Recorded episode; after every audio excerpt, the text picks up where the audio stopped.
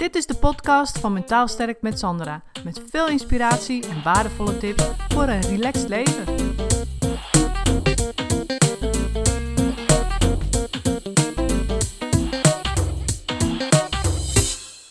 Nou, welkom Sophie bij deze podcast. Ja, wij zijn elkaar tegen. Ja, ja, zeker. Wij zijn eh, elkaar online tegengekomen. En eh, jij reageerde op mijn boodschap: stop met per se positief moeten zijn. Yes. En ja, vertel eens, waarom raakte je dat persoonlijk zo? Omdat ehm, eh, ik vertoef ook al jaren in het wereldje Mhm. en ik word daar niet goed van. Nee, en waarom niet? Van dat opgefokte positief zijn, want dat houdt geen kat vol. Nee, nee. En vertel eens even. Nee. En hoe werkt dat voor jou persoonlijk, vanuit jouw persoonlijke ervaring? Ehm, wel, ik ben dus rolstoelgebruikend Ja. zelf. Mhm. En ik heb kunnen lopen, tussen aanhalingstekens, Mhm. tot mijn dertigste. Zo. Maar dan heb ik een rugoperatie moeten ondergaan. ondergaan. Ja. Het alternatief was, was sterven. Dus ja, Ja. Jeetje. Dat is niet Eh, niks. Goed, ik wist van op voorhand dat het risico er was. Dat ik dus in de operatie zou blijven. Mhm. Of allee, dat ik niet meer wakker zou worden. Of dat de verlamming van voor de operatie erger zou worden. Ja, jee. Het kon ook zijn dat ik niet meer ging wakker worden. Ja. Maar goed, ik dacht van oké, ik, ik, ik grijp de kans. Ja. Want als ik niet, de, niet voor de operatie gekozen, ging de verlamming beetje bij beetje verhogen en ging ik uiteindelijk ja, toch doodgaan. Oh ja? Zo. En eh, dus ik heb de kans gegrepen. Ehm, en, maar wat ik wel gedaan heb, ehm, ik wou met alles in orde zijn. Zo van, Mhm. stel dat ik toch ehm, wakker word en verlamd tot, tot daar. Ja. Verlamd tot daar en mijn karakter, nee. Tot, je, je wijst nu je nek aan, hè? Dus dat voor de Ja, mensen die luisteren, dat tot aan je nek. Ja. hand niet meer zou kunnen gebruiken, Ja. dus helemaal afhankelijk zou worden. Ja, ja, ja. Met mijn karakter, nee. Nee. Dat gaan we niet doen. Nee. Dus heb ik toen alles op papier gezet, wilsbeschikking, euthanasieverklaring, bla bla bla. Ja. En heb ik dan de operatie ondergaan. Eh, heb ik eerst drie weken, het was aan mijn ruggenmergkanaal, heb ik drie weken doodziek geweest. En, en na drie weken mocht ik terug rechts zitten, zoals voorheen. Ja. En na een half uurtje dacht ik van, oh, ik ga mijn benen strekken zoals dat ik vroeger deed. Ja. En eh, ben ik gewoon gevallen. Zo. En was, was het voor mij duidelijk van, Ja. mm, Nee. soms zeep. Ja. Ja. Ehm, wat ik toen ook wist, van ja, ik ben intussen, goh, ik denk, ergens in de 40 keer geopereerd, dus Ja. medisch ken ik er best wel wat van. Ja. En eh, wist ik ook dat zenuwfuncties, alles wat terugkwam binnen de zes maand, Ja. blijvend zou zijn. Ja. Wat na die zes maand kwam, Ja. ja, niet zo van lange duur zou zijn. Nee, nee. Dat, dat, zo is dat ook met een herseninfarct. Dat is ook zo. Dat alles wat binnen de zes maanden terugkomt, dat is blijvend. En daarna ja, Ja. moet je het nog maar afwachten. En ik wist ook dat de situatie waar ik toen in zat, dat ik met ouder worden, die zou sowieso komen. Ja. Ehm, en toen heb ik besloten van, kijk, ik ga zes maanden Mhm. keihard mijn best doen. Mhm. Moet ik terug kunnen lopen? Nee. Dat doel had ik niet. Oké, dus dat had je al Omdat ik uit je hoofd gezet. dat ik toch ooit terug kwijt zou geraken. Ja, precies. Ja. En ik had geen, geen, geen zin om eerst iets op te bouwen, Nee. om dan een jaar later of twee jaar later of weet ik veel, Ja. terug kwijt te spelen. Ja. spelen. Ja, precies. Ja, ja. En eh, voor mij was het al heel belangrijk dat ik eh, terug mijn zelfredzaamheid had. Ja. Hoe dat, dat ging, dat interesseerde mij niet. Nee. Als ik maar terug, ik woonde toen zes jaar alleen, Mhm. ik kwam terug naar mijn huis. Ja.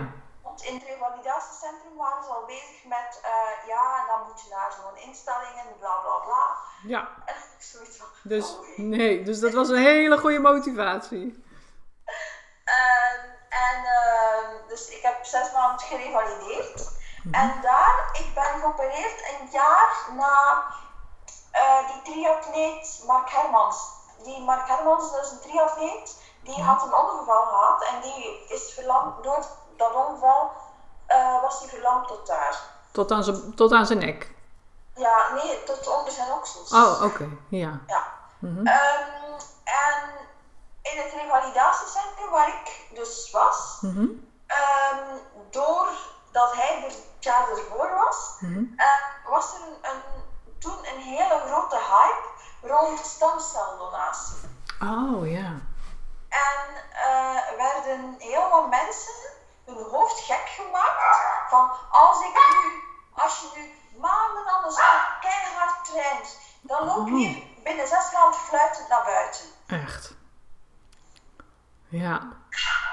Maar misschien ligt het ook wel aan mijn, achter, allee, ja, mijn geschiedenis. Mhm. Ik, ik heb mij kapot geërgerd. Ja. Want ik heb mensen gezien van heel, heel, heel high Ja, ja. Die echt maanden getraind hebben en getraind en Ja. getraind. Ja. Om dan na maanden gewoon serieus ontgoocheld te zijn. Ja, ja, ja. ik geloof nog steeds in, in dat je moet ehm, je, je fysieke kant onderhouden en zo. Ja. Maar geen onrealistische dingen gaan doen. Ja, Ook vanuit dat stukje, want dat schreef je mij ook, hè, van ja, ik, als ik dan gehandicapten zie die dan allerlei eh, dingen willen presteren en behalen, weet je, dat zit ook in je allergie. Zo van, Ja. waarom zou je dat doen? ja, juist. Want ehm, dat bewijzen, Ja, precies, dat bewijzen. Dat, dat staat je ook tegen. ja, zo van dat ik ook mens ben, maar je bent mens. Ja, je bent al mens. Daar hoef je eigenlijk niks voor te doen. Ja, juist. ja, Maar zo van tonen aan de maatschappij dat ik ook iets kan. ja, precies, juist. Ook al ben je gehandicapt. Ja, Ja, ehm, maar dat heb je al, je kan al iets. En moet je daarvoor die Himalaya beklimmen? Nee. Nee, want dat stukje stop met positief zijn, hè, daar had je het natuurlijk ook over. Dat, dat, dat pakte jou ook. Want hoe plaats je dat in je eigen verhaal? Want ik kan me voorstellen dat, dat luisteraars nu denken: maar ja, als je zoiets ergens meemaakt, dan is het natuurlijk logisch dat je niet positief kan zijn. Hè? Want zo denken heel veel mensen natuurlijk: oh, je moet eerst iets ergs overkomen en dan kun je niet meer positief zijn. Want weet je, dan mag het natuurlijk niet. Ehm, maar hoe zie jij dat dan? Ik gewoon dagelijks jouw ding doen en doen waar je blij van, waar je echt blij van, waar je oprecht blij van wordt. Ja. Want ik kan mij voorstellen dat als je een doel wil bereiken die zoveel boven je zit, Ja. Ehm, en ah ja, je bereikt dan dat doel. Wat heb je eraan als je dan een week moet recupereren? Ja, precies. Hè? Dat heb je ook met mensen met pijn, hè? met chronische pijn of andere ziekten. Al is het diabetes of wat dan ook. Hè, je kunt heel erg pieken om iets te bereiken, maar daarna moet je des te langer herstellen. Dus ja, ja, zo is het met veel mensen die iets mankeren.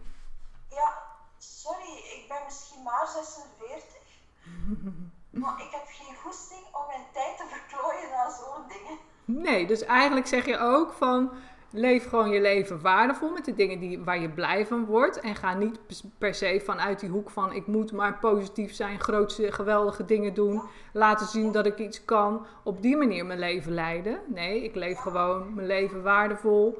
Ja, en daarbij is niet altijd alles positief. Want ja, zo is het leven ook natuurlijk.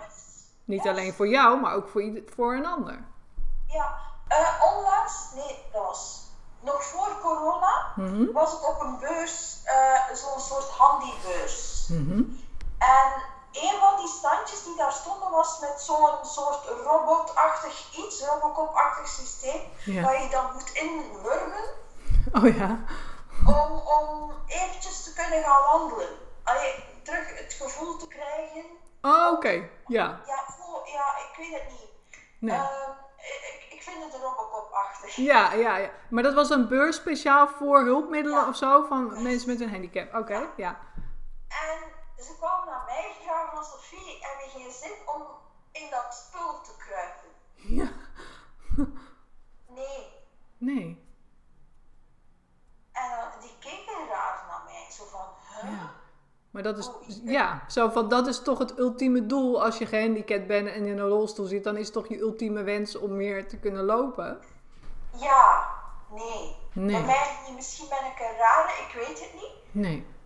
Maar voor mij, Mhm. ik ken mensen die ervoor kiezen om elke dag of, of elke week ehm, ja, zo'n zo een wandelingetje te gaan maken. Mhm.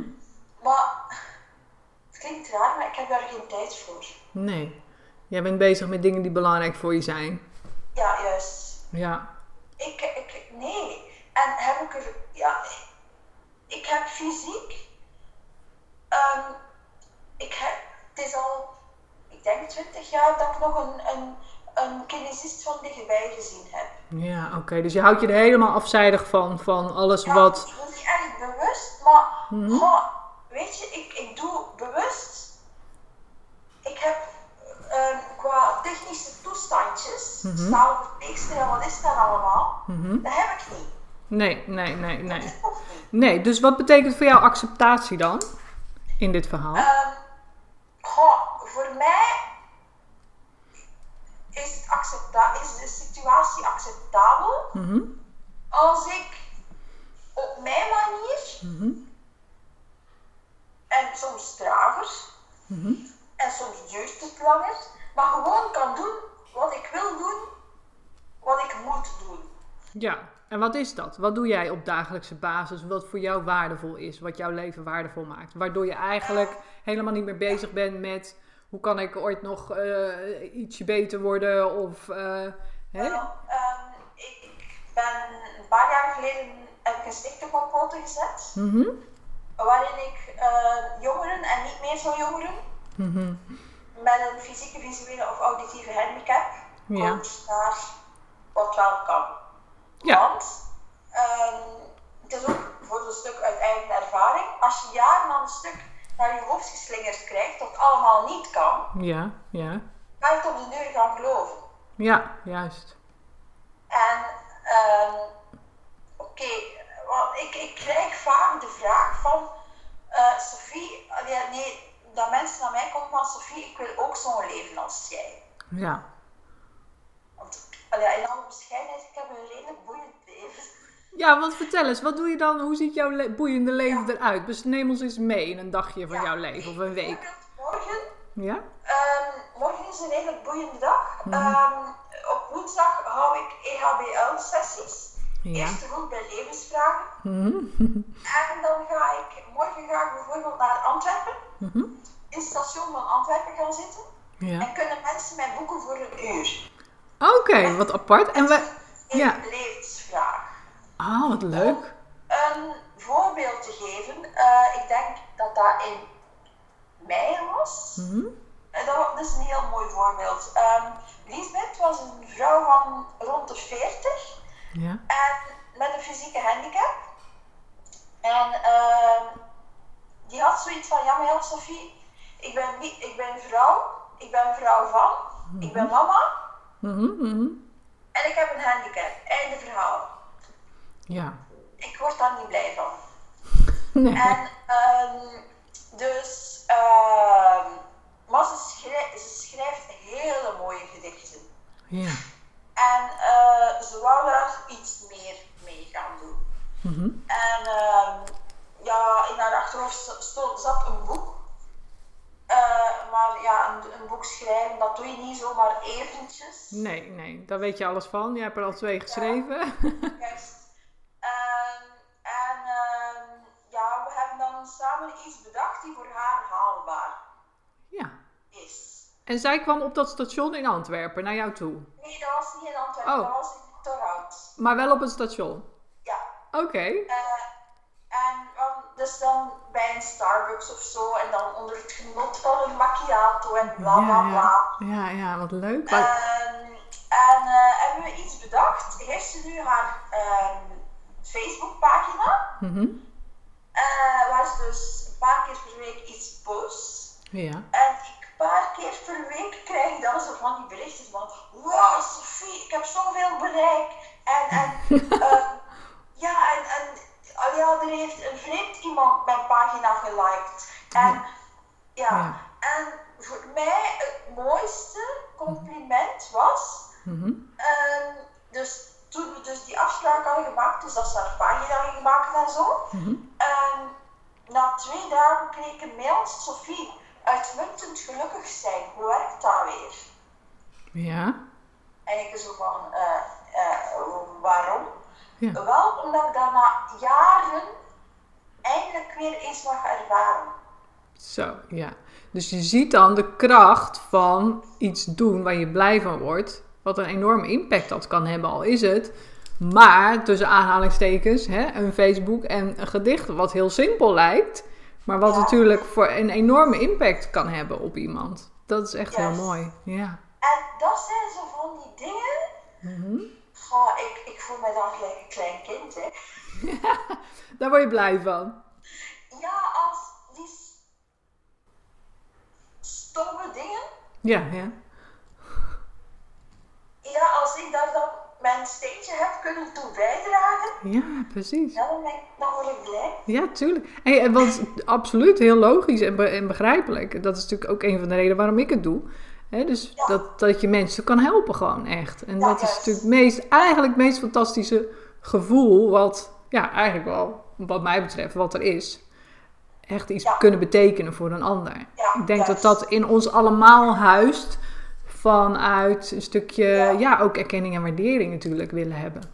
Ja, en mijn voor- en mijn nadeel, Mhm. allee, mijn voordeel, ik, dit is een voordeel. Ik stond ook ooit in hun schoenen. Ja, ja, precies. En als ik aan iemand zeg van kijk, ehm, om dat te bereiken zul je grenzen moeten zetten, zul je moeten stappen zetten die eng zijn. Mhm. Kun je tegen mij niet zeggen, je weet niet over wat je het hebt. Nee, precies. Want ik verdomd over wat ik Ja. heb. Ja. En zeker, waar je, het- kijk, waar je het over hebt, is ook als je dus met een handicap of een, een pijn of vermoeidheid, chronische vermoeidheid, wat dan ook, hè, als je dat hebt, heb je ook te maken met beperkingen in wat je kan doen en wat je kan, Ja. niet kan doen of wel kan doen. Ja. En eh, qua vermoeidheid, energie, alles. Dus kun je een voorbeeld geven van hoe jij dus eh, je leven leidt, je week indeelt, dat je toch met die beperkingen, alles waar jij mee te maken hebt op dagelijkse basis, toch dat waardevolle leven kan leven. Wat pijn betreft, Ja. ik heb sinds een dik jaar geen pijn meer. Oké, Quasi geen pijn meer. zo. En heb ik dat geflikt? Niet met medicatie, want ik heb nooit medicatie willen nemen daarvoor.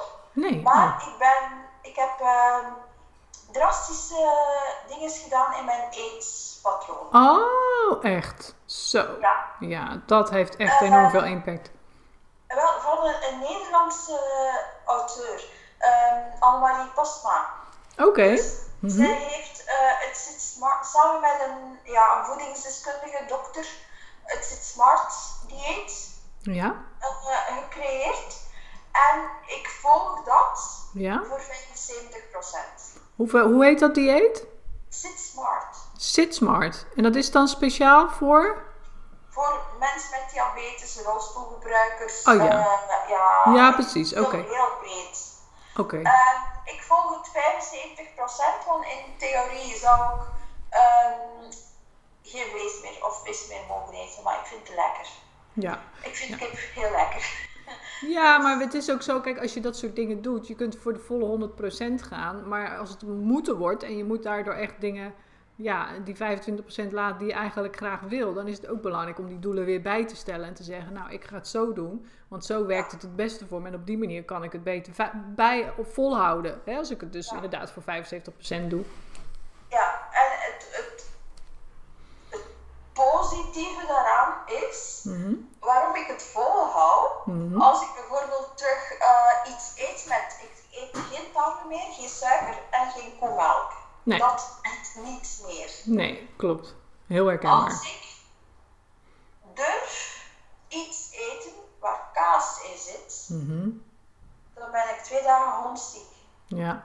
Er zijn veel mensen hoor die dat hebben. Ik heb dat ook onlangs, eh, ben ik daarachter gekomen. Ik was bij een eh mesoloog.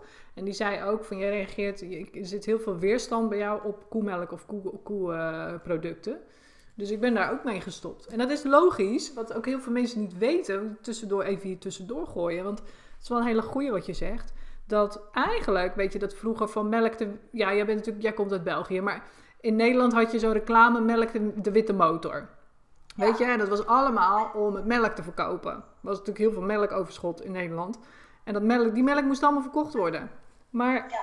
eh, en het, ja, het werd verkocht van het is goed voor je, voor je botten en alles. En eh, je hebt calcium nodig en al die dingen. Maar waar iedereen aan voorbij gaat, en dat is echt bizar simpel. Maar dat dus een koe heeft zeven magen of negen, weet ik veel. Maar in ieder geval geen één. Die heeft zeven magen. En een koe, dus een kalfje ook, als die melk drinkt bij zijn moeder, dan moet dat door zeven magen heen voordat het een keer verteerd is. Dus wij hebben één maag. En wij kunnen dat dus helemaal niet zo verteren zoals het natuurlijk bedoeld is. Dus dat, die melk wordt nooit goed verteerd in je lichaam. Dus dat geeft allerlei ophoopsels of klachten of weerstand of energieblokkades. Omdat je, je lichaam is hartstikke druk om al die koemelkproducten te verteren. Dat kost enorm veel energie. En ehm, dat is denk ik wat heel veel mensen niet weten of aan voorbij gaan. En dat je daar dus bijvoorbeeld wel geitenmelk kan drinken, omdat een geit heeft maar één maag. Dus die, Ja. hè, dan kan je, dat, eh, kun je jezelf daarmee vergelijken, bij wijze van spreken. Ja. Dus, dus ja, ik snap dat. Dat is echt een heel, eh, heel, heel belangrijk verhaal, denk ik ook, dit. Die koemelk.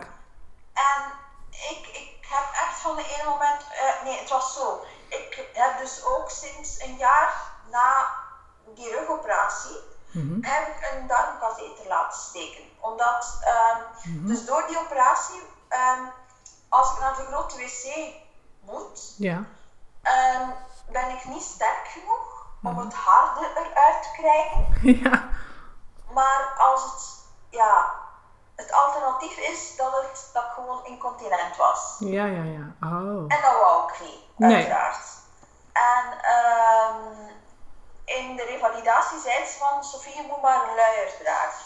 Jeetje. En dan had ik zoiets van, eh, eh, gaan we Oh. niet doen. En eh, ben ik zelf op zoek gegaan naar een alternatief. ja. En heb ik toen een eh katheter gevonden, Mhm. die een soort stoma, maar zonder zakje. Oh, oké. En ben ik daarmee naar de chirurg gegaan. Van dokter, Ja. luier, dat gaan we niet doen, dat wil ik. Ja. En, en eh, in Gent wilden ze dat niet doen, omdat dat een best wel zware operatie is. Mm. En, en ik mocht dan na een paar maanden naar huis. Mhm. En ben ik, heb ik dan nog een paar maanden, eh, het was zelfs zo op de duur dat als ik wegging, at ik niet meer. Ah, oké. In de gedachte van als ze niet ingaat, kan het onderweg niet. Nee, nee, nee. nee, dan krijg je Eh. allemaal dat soort dingen. Ja, en na een paar maanden, ja, als je een paar maanden niet, niet voldoende eet, word je heel zwak. Ja. En ben ik dan bij een eh darmchirurg terechtgekomen in Brugge Mhm. voor kindjes. Hij was ook pediatrisch chirurg. Ja. En dus ik, eh, ik zei dokter, kijk, kijk ik, ik wist zelfs niet, voordien niet dat hij ook pediatrisch, pe- pediatrisch chirurg was. Nee. Ik zei dokter, kijk, ehm, ik heb heel veel goede dingen gehoord over jou.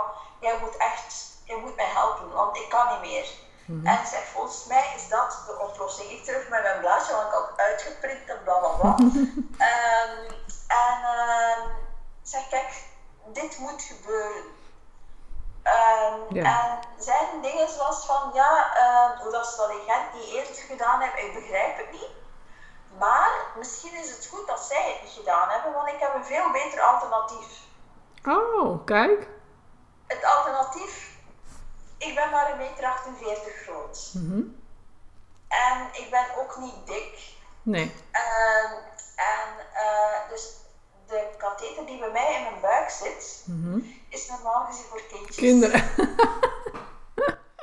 Nou, maar zo zie je maar weer dat je dus met een beetje doorzetten en een beetje doorvragen en een beetje. Want dat is ook vaak wat mensen doen als ze in de medische wereld zitten. Dat ze dan eigenlijk maar klakkeloos doen wat er van ze gevraagd wordt of de oplossing van de eerste beste arts eh, daarin meegaan. Ehm, maar ik heb zelf ook behoorlijk wat medische eh, toestanden achter de rug. En ik heb ook altijd gekeken van wat voelt dit goed of niet? En is er meer? Of kan ik, weet je, wat is beter? En hoe kan dat beter? En ja, ik ben ook van het ene ziekenhuis naar een ander ziekenhuis gegaan. Puur omdat ik, dacht, omdat ik daar beter geholpen werd. Maar heel veel mensen gaan eigenlijk gewoon mee in de eerste de beste. Maar dat hoeft dus niet, hè? Je hoeft, je hoeft echt niet, nee. En het voordeel is, mhm. eh, door de jaren mm was ik zo wat uh, allee, dikker geworden. Uh, maar waardoor dus dat die katheter, allee, dat gat was groter geworden. En het lekte met darmvocht en viezigheid en gedoe. Ja. En vorig jaar moest ik dan terug geopereerd worden. Mm. En, maar mijn huid was zeer onrustig door al dat darmvocht. Ja. En de dokter die had zoiets van, uh, ja nee, is, moet die huid rustiger en dan zal, ik wel een nieuwe katheter steken. Hij had gelijk. En, maar ik was toen al bezig met Weight Watchers en toestanden. Ja. En um, dat was nog voor Sit Smart. En um, ja, dat, die Weight Watchers, dat hielp. Maar niet zoals ik het wou. Nee. En Smart, dat boek, lag al erg, ergens aan de kant. Ja, maar ja. toen zat ik nog in, in de gedachte van, oh nee, en dan mag ik geen, geen boterham meer eten. En dan mag ik ja. uh, ja, ja, ja. ja. En, uh, maar goed, totdat de dokter zei van het zou goed zijn om die paar kilo, 10 kilo kwijt te geraken. Mm -hmm. uh, heb ik dan toch nog een keer het boek ter hand genomen. Ja. En uh, er was één getuigenis over die zenuwpijnen ja. die mij over de streep heeft getrokken. Ja, ja, ja. ja. En uh, ik merk dat als ik uh, er mij eventjes niet aan hou, waardoor dat dus toch een kilo of twee bij ben, ja, dat ja. ik pijn heb. Ja, zo zie je maar weer hoe belangrijk dat is, hè, die voeding. Het is echt ongelooflijk. Ja, dat vind ik ook zo bizar. Dat, ik heb natuurlijk ook in die medische wereld gewerkt en medisch specialistische geneesrevalidatie. Uh, en ja, ook daarin werd eigenlijk volledig voorbij. Er zat wel een diëtiste, maar ja, die zat eigenlijk nog een beetje vanuit...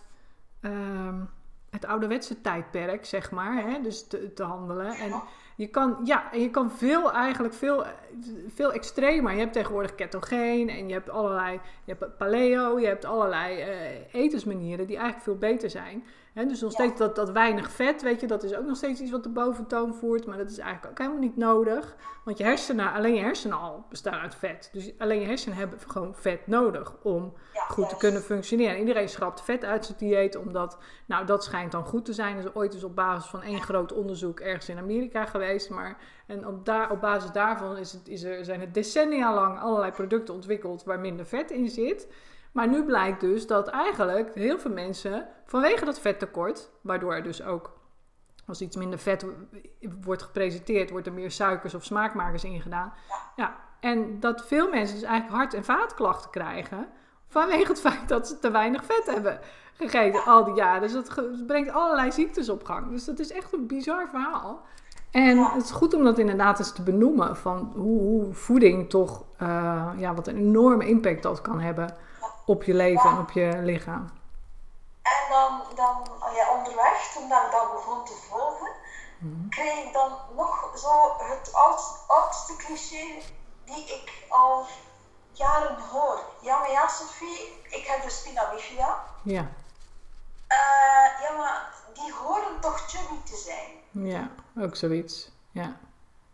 Blijkbaar niet. Nee. Ja, nee, maar dat is echt, echt bizar. Hé, hey, maar even Sofie, eh, maar ik ben benieuwd. Waarom spreek je af op een station? Ik vind het wel heel origineel namelijk, maar... Omdat dat, uh, als ik er raak... Ja? Dat iedereen er met een beetje wil. Ja, oh, op die manier. Ja. Ja, en ik heb ah ja, sinds, dankzij corona... Ja. Want, uh, ja, je kent het wel, de rat race en toestanden. Ja. Voor corona zat ik zo in een ja, er was zodanig veel red race dat mhm. ik dacht van brrr. Eh. Ja. Um, en ehm, sinds corona zijn er zo heel veel van die online ja. cursussen en platformen en toestanden. Ja.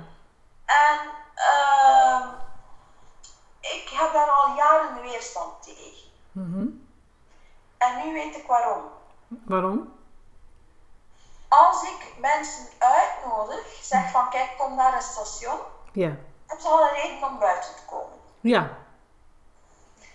Want eh, zeker nu ook met corona is nog meer dan ooit Ja, over water Ja, gekomen ja, ja. dat die doelgroep geïsoleerd geraakt. Zeker, ja. En ja, oké, ik zeg nu niet, ik ben geen BV, belangrijke verzameling of zo. Nee, nee. Maar zo hebben ze al een, reden om buiten te komen. Ja, precies. Juist. Ja, Ja, en op een relatief makkelijke manier. ja, ja, Het station. ja. Ja, precies. Iedereen zou daar met een handicap inderdaad gebruik van moeten kunnen maken. Dus ja. Juist. Maar ik kan me Ja. voorstellen dat het vaak een drempel is. Dat je denkt, nou ja, weet je, gedoe en eh, moeilijk. En, maar ja, in principe moet het overal kunnen. Ja, en dat is natuurlijk een aanbod dat ik niet gratis doe. Nee, Ehm, maar ik vraag 20 euro. ja. Voor de reiskosten, de, Ja. de koffie. En ja, waarom doe ik dat? Mhm. Als ik, al ja, al, ik, like morgen heb ik een afspraak. Mhm. Ehm, dus morgen, ehm, ik moet al om 6 uur vertrekken morgen vroeg. Zo. Als, als die persoon dus mij die 20, die persoon heeft mij 20 euro betaald, Mhm. is dat al een reden om morgen vroeg niet te zeggen van... Ja, ah, precies. Ik kom niet. vandaag? Nee, nee, dan, dan kom je wel natuurlijk. Ja, Ja, precies. Dus dat is heel slim. dus dat doe, daar, om die reden doe ik het. Ja, precies. Hey, en als je dan kijkt naar je dag, hè, je dagindeling, Ja. heb je dan ook dat je zegt van nou, ik, ik, doe- ik doe echt smiddags niks, of ik doe tussenmiddag, of wat neem je rust, of hoe? Goh, dat hangt ervan af. Oké. Ik heb ehm, vrijdag heb ik mezelf Mhm. een gezichtsbehandeling cadeau gedaan. Ja, dus ja, het zit soms in, in stomme dingen. ja, In kleine dingen, maar gelijk morgen ook. Ehm, ik neem altijd mijn iPad mee. ja, En ja, ik vind het al, soms ook wel een keer aangenaam werken ja, vanuit een Starbucks. ja, Dat geeft inspiratie. ja, is leuk. Ja, absoluut. En, eh, maar bij mij is alles, het loopt allemaal door elkaar. Ja, oké. Maar doe je dan, zeg je dan van nou, oké, je je hebt gewoon energie genoeg om dat allemaal te kunnen doen, of moet je bewust zeggen van, ehm, oh, het beeld valt weg. Ben je er nog? Ehm, ja, ja, ja. Oké. Ehm, goh. Ja, ik moet soms wel een keer zeggen, van, oké, nu gedaan. Ja, precies. heel moeilijk. Ja, Dan moet ik echt uit huis weg. ja, oké. Ja, Eh, dan moet ik echt wel een keer eh, ja, iets gaan eten of dan Ja. moet dat niet, niet, niet lang duren. nee, En als ik echt moe ben, dan val ik gewoon in slaap. ja. En heb je veel hulp om je heen? Is het voor jou makkelijk om hulp te vragen? Ik heb een poetsvrouw Ja? ehm, en ik heb een persoonlijke assistente. Oké. Ja, P- bij jullie is het PGB, bij Ja. ons is het PGB.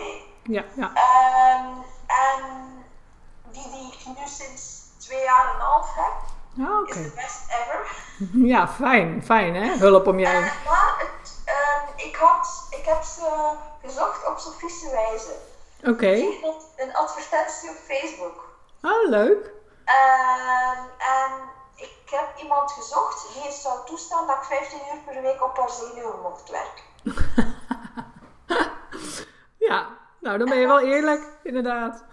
en Karen is daarop afgekomen. Ja. Ehm, en het toeval wil dat zij MS heeft. Maar Oh, ze is nog fysiek nog, als ze maandelijks haar, ehm, haar bakster, haar infuus gaat halen, ja, ja. Vitamines of weet ik veel, Ja. eh, remmers, eh, is nog, allee ja, Ja, gewoon, het kan functioneren. goed. Ja, oké. Oh, wat En bijzonder. Ben ik wel blij Ja. op een ander vlak. Eh, doordat zij haar remmen heeft, Mhm. door haar fysieke toestand, Ja. heb ik ook meer remmen. Ja, ah, oké. Ja, dat, dus dat helpt elkaar. het zelf. Als ik ergens in bijt, bijten, Mhm. ben ik een pitbull. Ja, Wat ik wel niet meer doe, ehm, vroeger, toen ik nog in die bewijsfase zat, ja.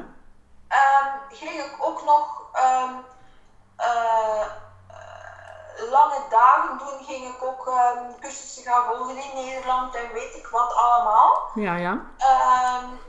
En dat doe ik nu niet meer. Nee, oké. Dus je hebt wat dat betreft de, de rem erop.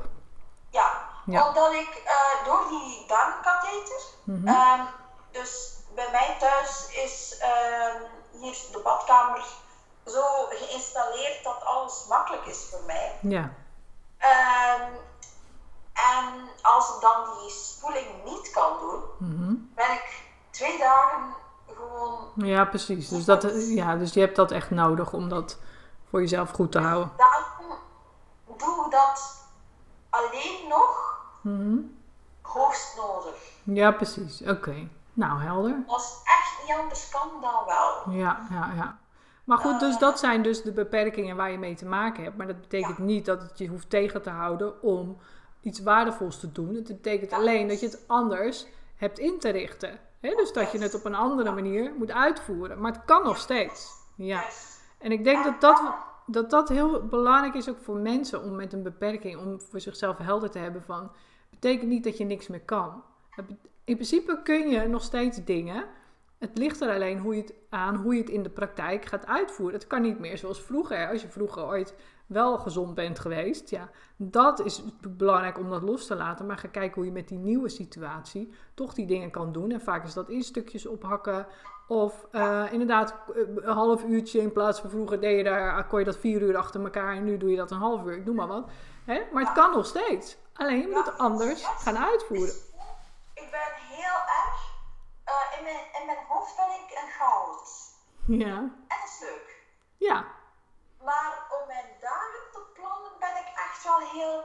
Ja, precies. Ja, want dat heb je nodig om in ieder geval de leuke dingen te kunnen doen die je belangrijk Ja. vindt. Ja, precies. Ja, Ja. want bijvoorbeeld, ik weet niet of dat, dat bij jullie in Nederland nog zo is, maar bijvoorbeeld om de trein te nemen en de, bel en de bus te nemen, Ja. dan moet je vooraf plannen. Eh, ja, ik ga daar nooit mee, maar dat zou kunnen, ja. Volgens mij moet je online een kaartje kopen, ja. Ja, juist. Ja. Ehm, en er zijn heel veel collega's, dus Mhm. mensen met een handicap, Ja. die zich daar druk in maken. Die willen van, oh, ik wil nu die trein, Ja. ik wil nu. Ja. Ehm, en die, die zoiets hebben van, ja, wij willen zoals iedereen, bla bla bla. Maar voor mezelf, voor mij persoonlijk, Mhm. ik heb er geen probleem mee. Nee. Want als ik, ik, ik, ik heb soms een planning van een maand aan een stuk. Mhm. En ik vind het makkelijk. Ja, Als ik Ja. weet, precies. dan dat, dan dat, dan dat. Ja, En precies. kan allerlei toestanden rondbreien. Ja, precies. Je weet van dat ga ik doen. Dus ik heb je dingen om naar uit te kijken. Maar je weet ook, ik heb het, ik heb het goed gepland. Zodat het niet, eh, zodat ik niet in de knoop kom met allerlei toestanden. En eh, wat je Ja. beschrijft. Dus dat is denk ik ontzettend belangrijk. En niet alleen voor mensen met een handicap of een beperking. Hè, want ik zie natuurlijk ook mensen die gewoon echt normaal kunnen functioneren. Maar zo altijd zijn doorgegaan dat ze gewoon zo moe zijn geworden. Dat eh, ze eigenlijk weinig tot niks meer kunnen. En die moeten ook eigenlijk werken die het beste ook vanuit een planning van wat ga ik doen, hoe lang ga ik dat doen en vooral niet jezelf daarin overvragen en vanuit daar weer opbouwen. Maar dat zijn zijn heel veel mensen zich niet van bewust. Dus dat is wel echt heel belangrijk. ja. En gelijk bij, mij is het ook zo van, kijk, ik weet dat ik moet dus katheteriseren ook. Ja, Dat als ik zo mijn dag zo kan plannen van dan dat, dan dat. Ja. En als ik tegen ongeveer dat uur daar ben, Mhm. dan heb ik daar een wc. ja precies. Ja, maar dat is, ja, absoluut. Ja. Ik had ooit eens een, een wat oudere man en dat was ook in de revalidatie en die had een stoma en die ging dus nergens meer naartoe. Omdat hij ook ja, bang was voor lekken en zo. Dus die zat heel de dag maar binnen.